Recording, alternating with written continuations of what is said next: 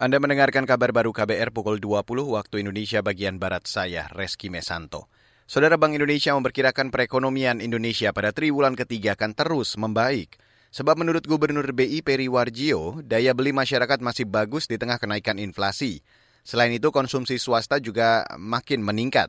Investasi non-bangunan dan ekspor juga masih bagus.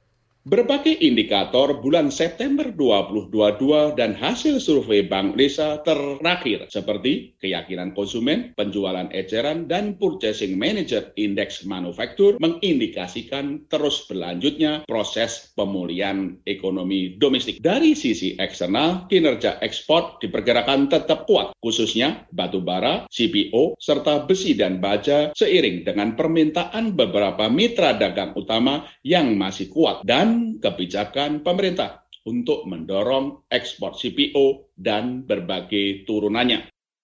Gubernur BI Peri Warjio menambahkan perbaikan ekonomi nasional tercermin pada kinerja lapangan usaha utama seperti perdagangan, pertambangan, dan pertanian.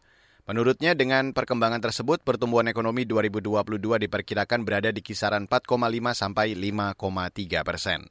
Beralih ke berita selanjutnya, Saudara, sebanyak 42 persen masyarakat tidak percaya Kapolri Listio Sigit Prabowo bisa mengusut tuntas tragedi Kanjuruhan yang menewaskan 133 orang.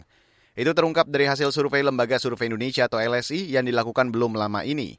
Direktur Eksekutif Indonesia LSI, Jayadi Hanan, mengatakan, hampir semua masyarakat Indonesia mengikuti penyelesaian kasus tersebut tidak begitu tinggi tingkat kepercayaannya meskipun mayoritas 52% itu menyatakan kepercayaannya. Saya kira itu kepercayaan itu saja menjadi modal bagi Polri, tapi yang tidak percaya yang banyak itu uh, juga harus uh, jadi perhatian mengingat hampir semua masyarakat mengetahui isu ini. Yang percaya kepada kepolisian untuk bisa mengusut tuntas itu makin muda usia mereka, makin tidak percaya kepada Polri soal ini. Direktur Eksekutif Indonesia LSI Jaya Dihanan mengatakan Polri harus mengatasi tantangan itu untuk memperoleh kepercayaan dari masyarakat. Menurutnya hasil survei itu dipengaruhi oleh penilaian masyarakat terkait integritas, kesediaan mengambil tanggung jawab hingga kesungguh-sungguhan dari Polri. Survei dilakukan pada 6 hingga 10 Oktober 2022 dengan jumlah responden mencapai 1.200-an dan tingkat error plus minus 2,9 persen. Sementara itu, Ketua Umum Persatuan Sepak Bola Seluruh Indonesia atau PSSI, Muhammad Iriawan atau Iwan Bule, rampung diperiksa polisi. Juru bicara Iwan Bule yang juga Ketua Aspro PSSI, Jatim Ahmad Riyad, mengatakan pemeriksaan dilakukan selama lima jam.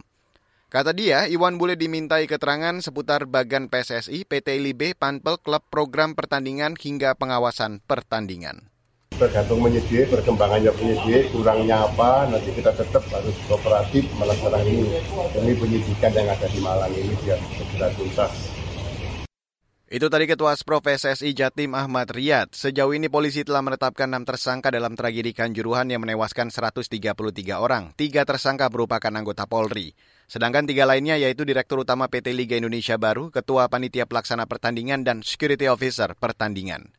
Dan saudara, Terima kasih Anda sudah mendengarkan kabar baru yang dipersembahkan oleh kantor Berita Radio. Saya Reski Mesanto.